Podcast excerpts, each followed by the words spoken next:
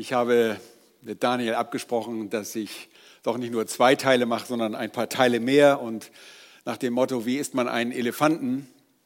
Stück für Stück, häppchenweise. Und so ist dieses Thema, was ist Gottes Plan in Bezug auf Regierung, nicht eine, gerade eine Maus, sondern ein umfassendes Thema.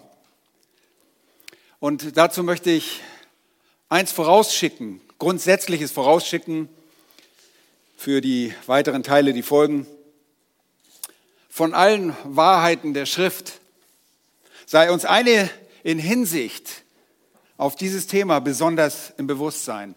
Und dazu schlagt bitte eure Bibeln auf bei Psalm 103, Vers 19. Psalm 103 und Vers 19. Ein Vers, der alles zusammenfasst und deutlich macht für uns, die wir den Geist Gottes haben. Dort heißt es, Jahwe hat seinen Thron im Himmel gegründet und seine Königsherrschaft regiert über alles. Jahwe hat seinen Thron im Himmel gegründet und seine Königsherrschaft regiert über alles. Nun, mit diesen Worten drückt der Autor des Psalms, König David, aus, dass Jahwe über jeden Bereich und jede Sphäre regiert, nicht nur im Himmel, sondern auch auf Erden. Und das zeigt das Wort alles an.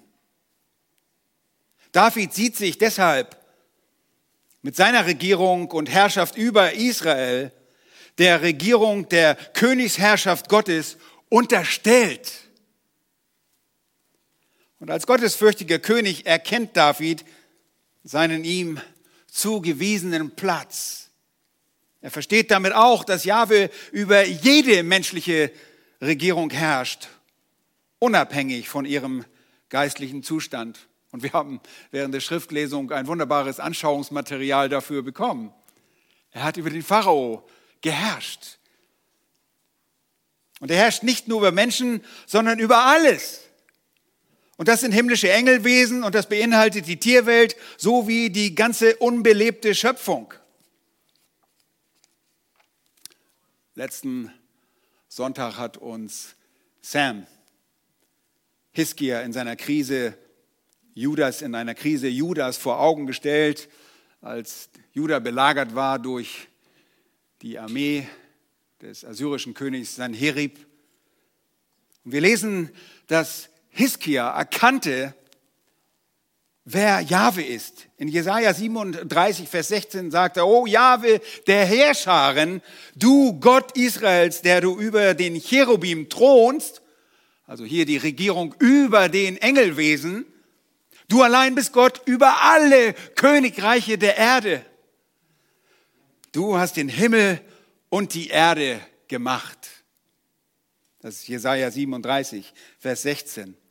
Das ist der biblische Befund und die Wahrheit, die für jede Regierung, Regierungsform gilt, egal ob die jeweiligen Regenten, Herrscher oder Monarchen eines Landes Jahwe anerkennen, anerkennen oder ob sie es nicht tun. Jahwe regiert. Lasst uns diese wichtige Wahrheit niemals aus den Augen verlieren. Ich möchte euch zeigen, in den kommenden Teilen, wie Gott ein Gott der Ordnung ist und weil es sein Wesen ist, um der Ordnung willen auch Regierung geschaffen hat, ins Leben gerufen hat. Nach dem Sündenfall setzt er Regierung ein. Wir lesen von Königen schon in der Genesis. Und wir wissen, dass Gott damit einen Plan der Ordnung auch zu unserem Wohlwollen so zu unserem Besten einsetzt. Wir haben aus dem Römerbrief gehört, Gott setzt Regierung ein. Und das wollen wir genau beleuchten anhand der wunderbaren Vorsehung Gottes, seiner Providenz, wie er das macht. Kam Gott hier auf die Erde und wählte, legte er seinen Wahlzettel nieder. Wie hat er das gemacht? Um Ordnung zu schaffen, setzte er Regierung ein. Und so möchte ich heute nur diese eine Wahrheit euch einschärfen. Denkt über diesen Vers nach. Jahwe hat seinen Thron im Himmel. Und er hat ihn dort festgegründet. Und seine Königsherrschaft regiert über alles.